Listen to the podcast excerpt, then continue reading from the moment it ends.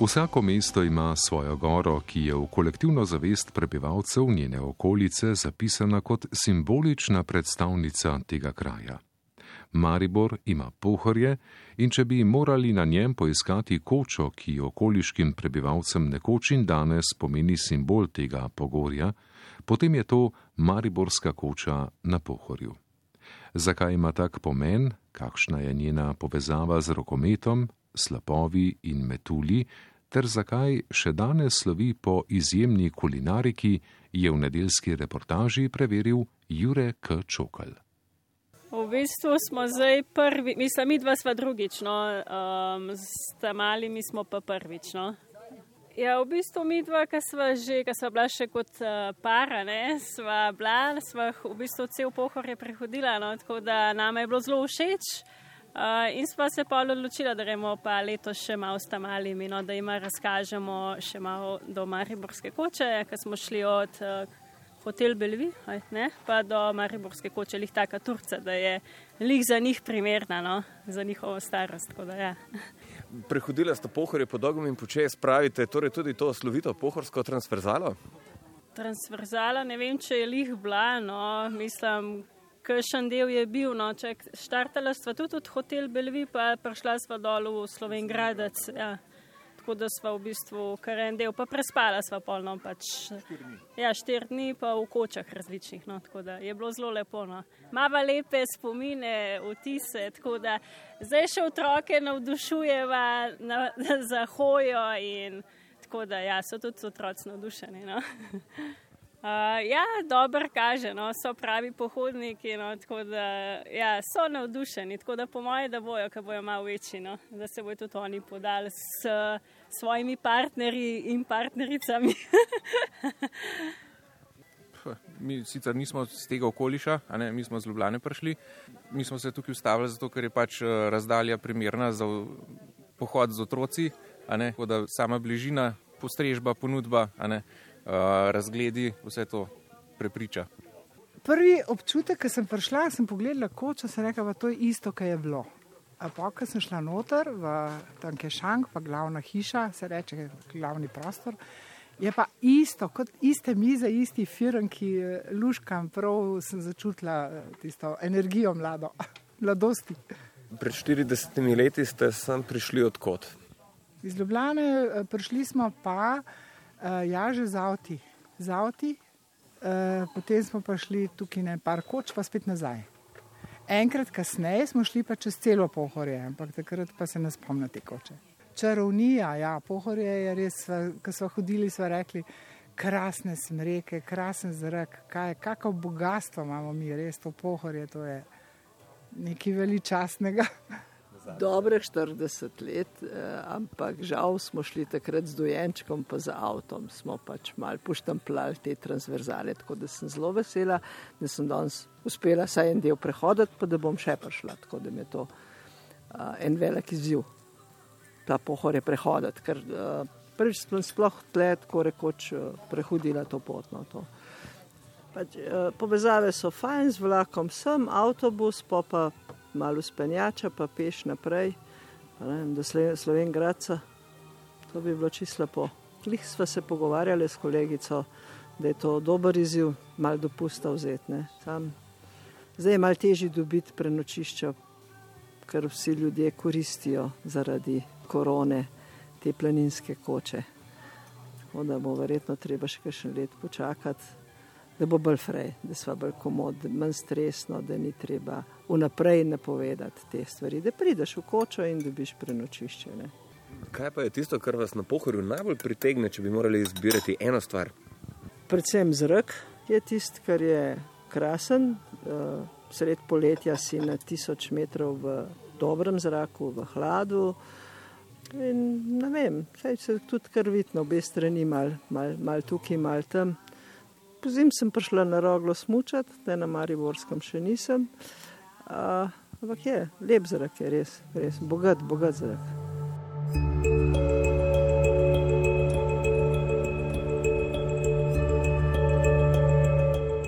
Tako o mariborski koči na pohorju govorijo njene obiskovalke in obiskovalci od daleč in od blizu.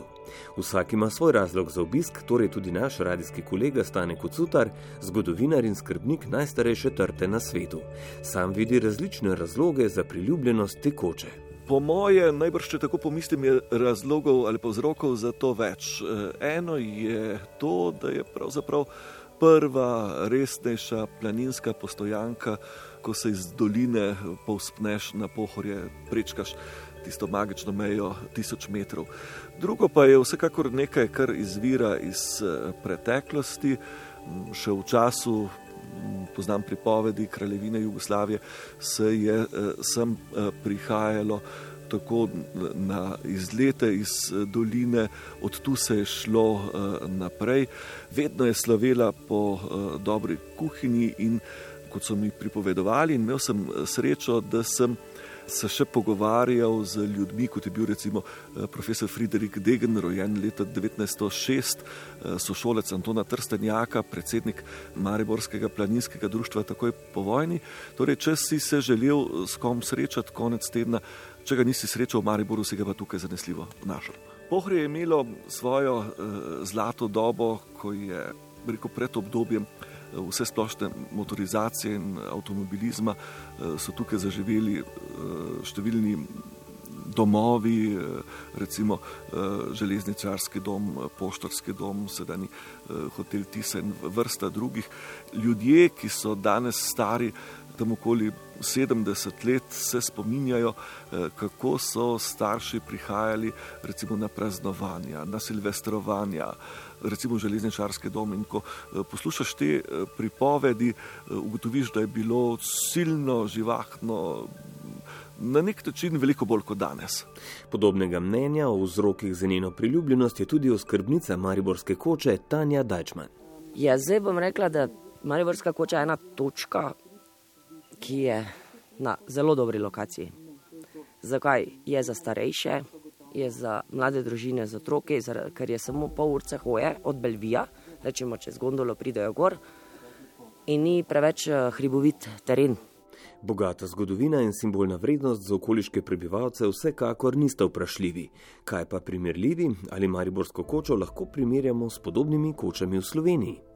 Primerljivo je po tem, da je to destinacija, na katero se gre tako mimo grede, recimo, če si doma v mestu, se pač zapelješ pod pohorje, ker je od danes plačljiv parkirni prostor. Desetletja je bilo parkiranje gratis. Torej je nekaj, kamor skočiš in si do neke točke pač in si do kosila nazaj. In imam veliko znancev, moram povedati, da se sam držim bolj tistega severnega dela, torej Kozjaka, da sem bolj vezan na tisti del, manj na pohorje. Veliko je takšnih pohodnikov, veliko je, ne malo je takšnih, ki vsak dan, ne glede na to, ali je dež ali je sneg, premirijo razdaljo od spodnje do zgodnje postaje pohorske uspenjače.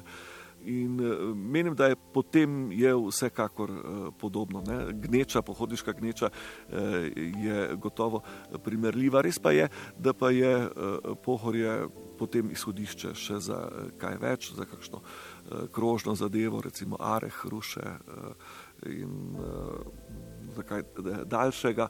Tako, mislim, da pa v zavesti pa je pohorje tisti moj hrib, na katerega se gre, tudi če tega nisi načrtoval, recimo čez jutri in za manj pa dve uri časa, bom pa skočil malo gor. Posebno mesto ima v Mariborski koči kulinarika, pove Stane Kocutar. Vedno je bilo tako, da se je Mariborska koča povezovala z fantastično, neprekosljivo gobovo juho. Tu je bilo, tudi ko so se kjerkoli pogovarjali, je bilo govora o, ja, tam imajo pa en perfekten recept in res tja je treba iti na gobovo juho.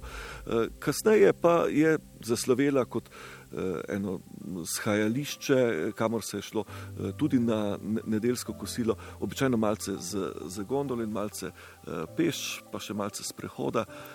Tot na okoli.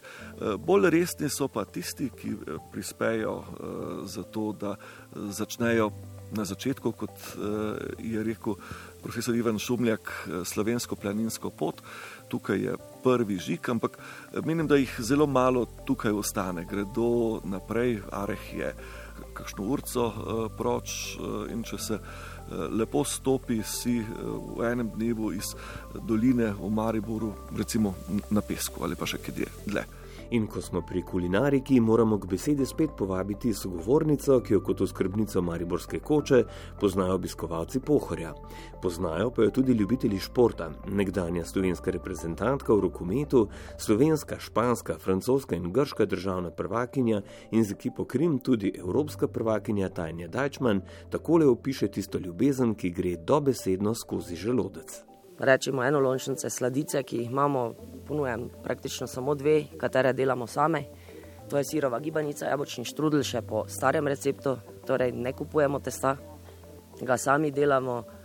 Nimam, bom rekla, velike izbire, ker stremim k temu, da to, kar imam, ohranjam na takem nivoju, kot smo naredili.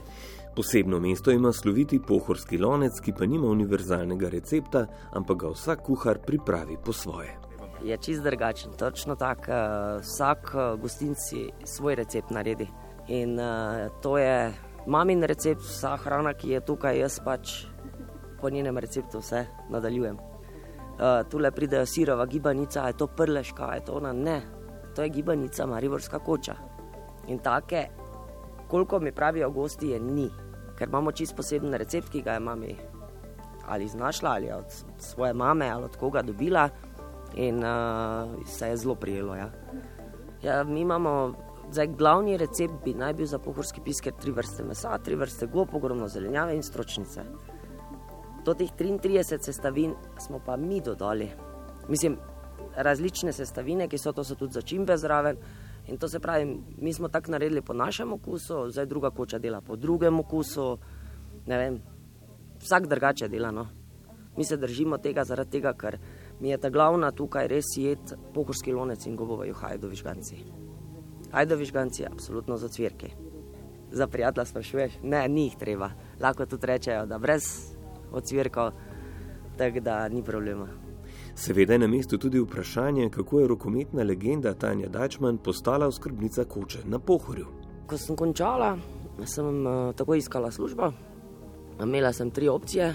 Ena je bilo, da, da grem za trenera fitnesa, da bi prevzela kompleten fitness, polje je bilo, da za trenera rokometa. Ena opcija se pa je kar tako odprla, nekdo mi je rekel tu, ker pač moja sestra živi tu gori in mi je rekel, da pač najemnik na Mariborski koči ne bo več in da iščejo novega. In pol sem se jaz avgusta takoj prijavila na razpis. Pol so čez en teden potrdili, da lahko prevzamem. In tako sem jaz pol čisto na vrat na nos šla v, v, v gostinstvo. Ne.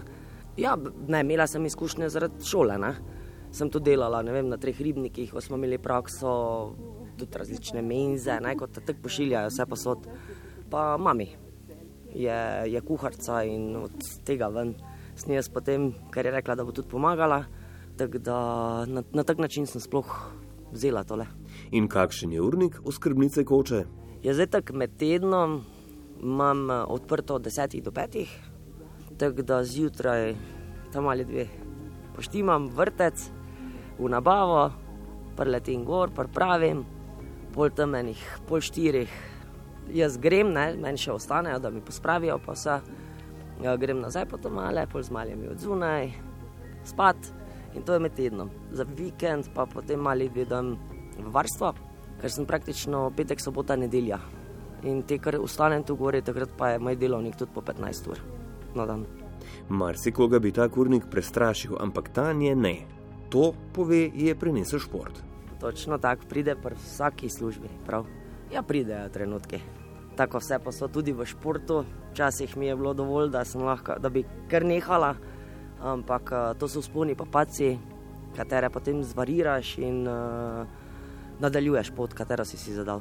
Menda je v kočah tako, da si posredno gosti izberijo skrbnico, oskrbnica pa goste.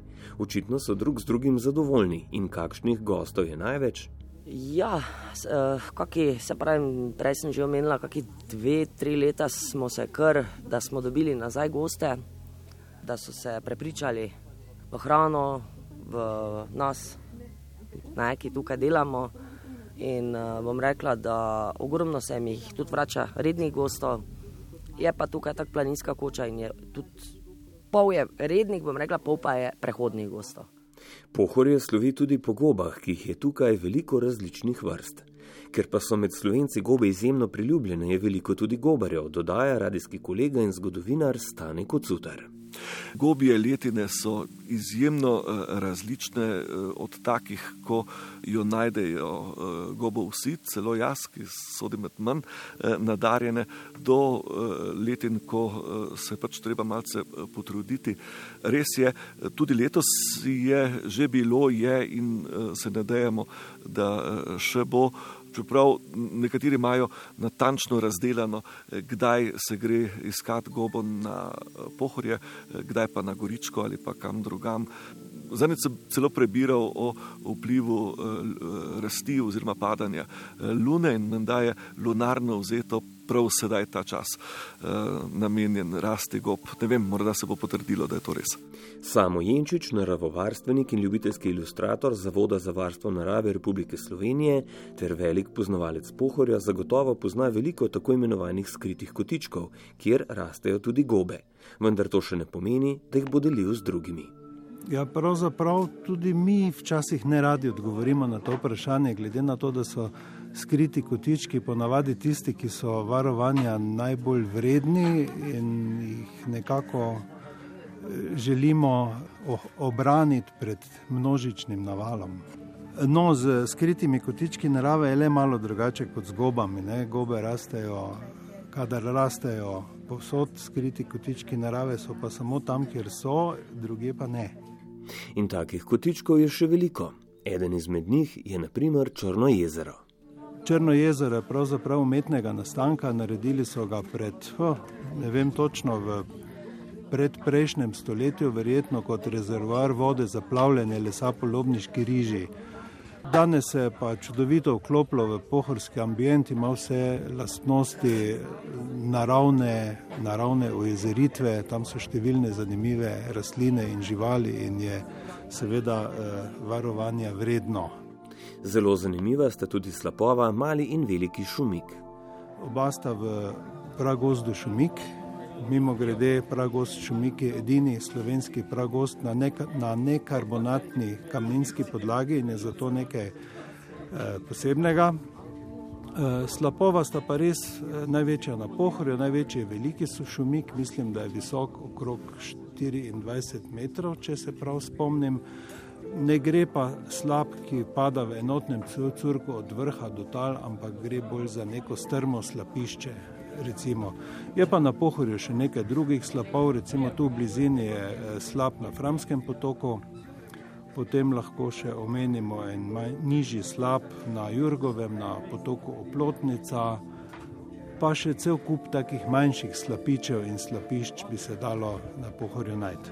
Eh, v pragozdu Šumik je ohranjena ta prvobitna naravna vegetacija pohorja, Eh, Pohorje ima namreč rastišča eh, bukovih gozdov, ki so bila v preteklosti ob pravzaprav neprimernem gospodarjenju osmrečena.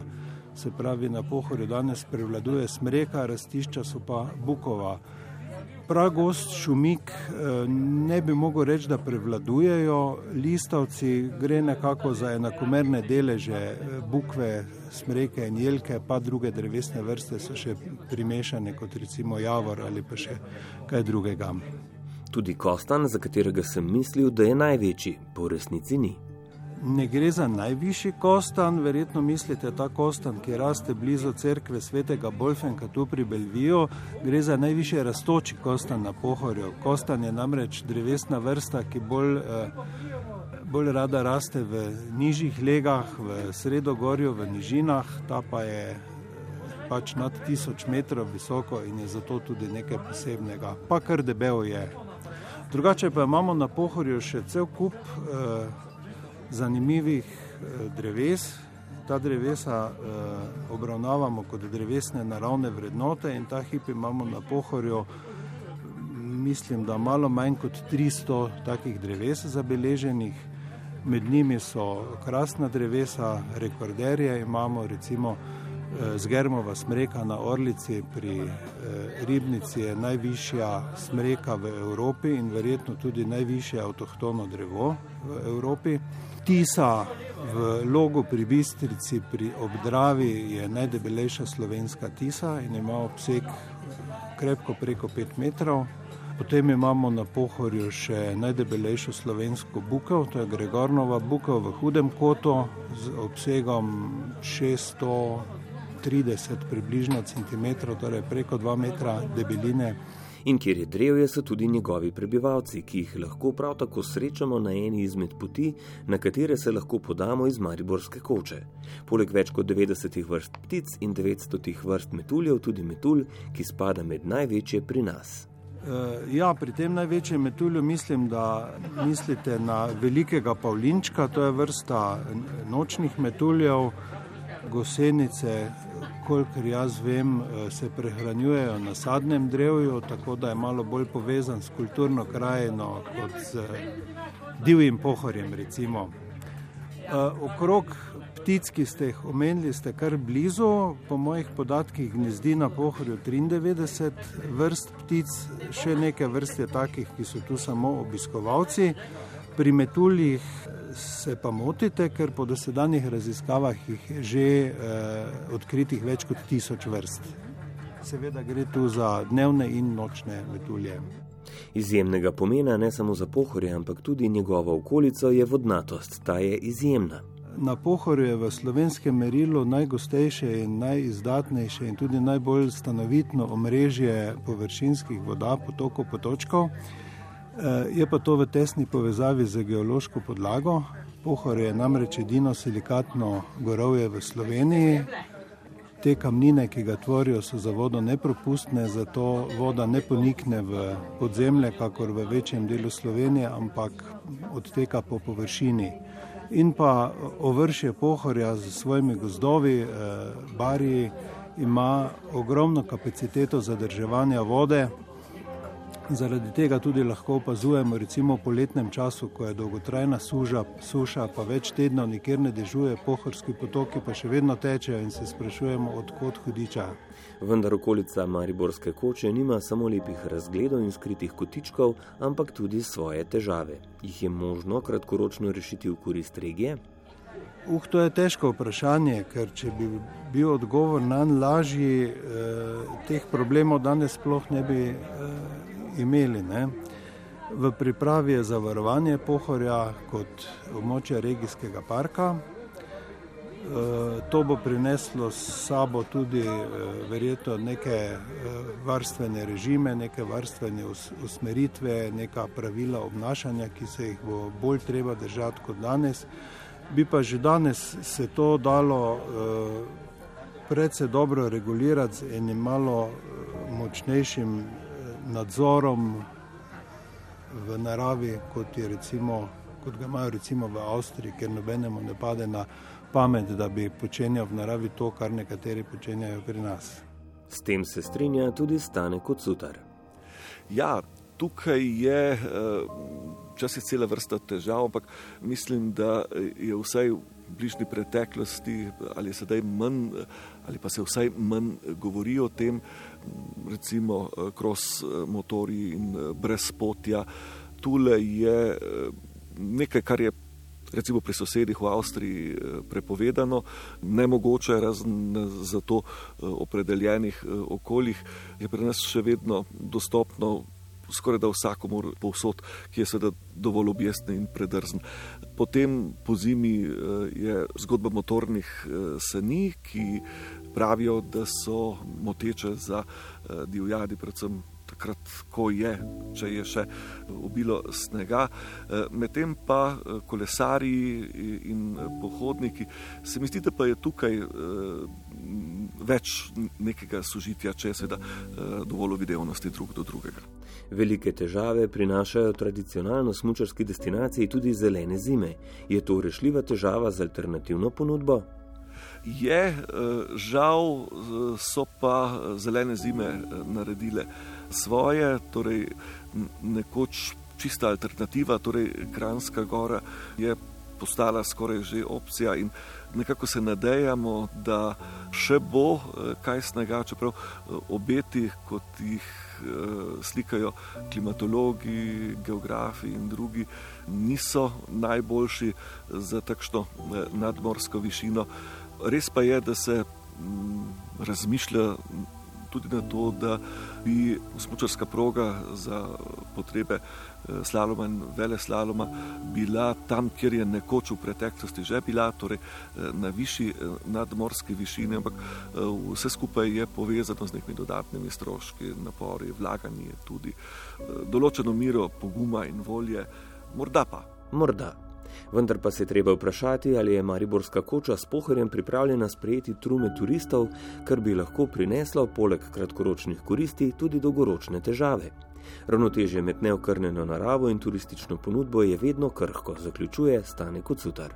Trenutno je pač zgodba taka, da pohorje ni turistična meka, je daleč eh, od tega, ampak zdi se mi, da je ravno tisto, kar bi si želeli v prihodnosti. Eh, neka oaza miru, nekaj še vedno eh, solidne eh, ponudbe in nekaj, kjer najdemo mm, tišino, mir, hvaležno zdravo okolje.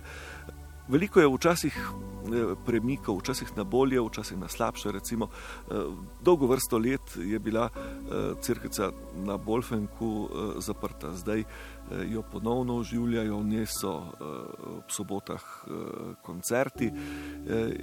Vedno se torej zgodi nekaj, kar pritegne. Vsi pa imamo v glavi tisto, da je bilo, kako je bilo nekoč eh, vse boljše, vse bolj živo, vse nekako bolj eh, organizirano. Ampak zdi se mi, da bo po nekih korakih ali pa po nekih mm, pričakovanjih pohorje ostalo vedno eh, približališče tistim malce bolj uh, zahtevnim. Ne.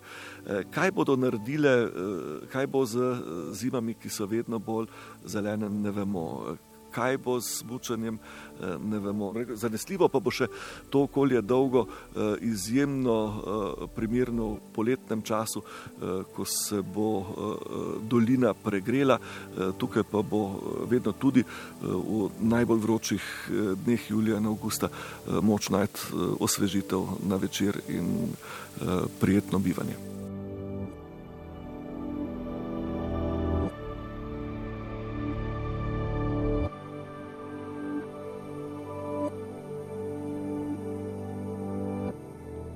Oddajo nedeljska reportaža smo v sklopu jutranjega programa v živo na Mariborski koči pripravili tonski mojster David Lap, Nadja Petauer, Stane Kocutar in Jure Kačokal. Fotografije snemanja in posnetek najdete na naši spletni strani, med podcasti ali na naših družbenih omrežjih.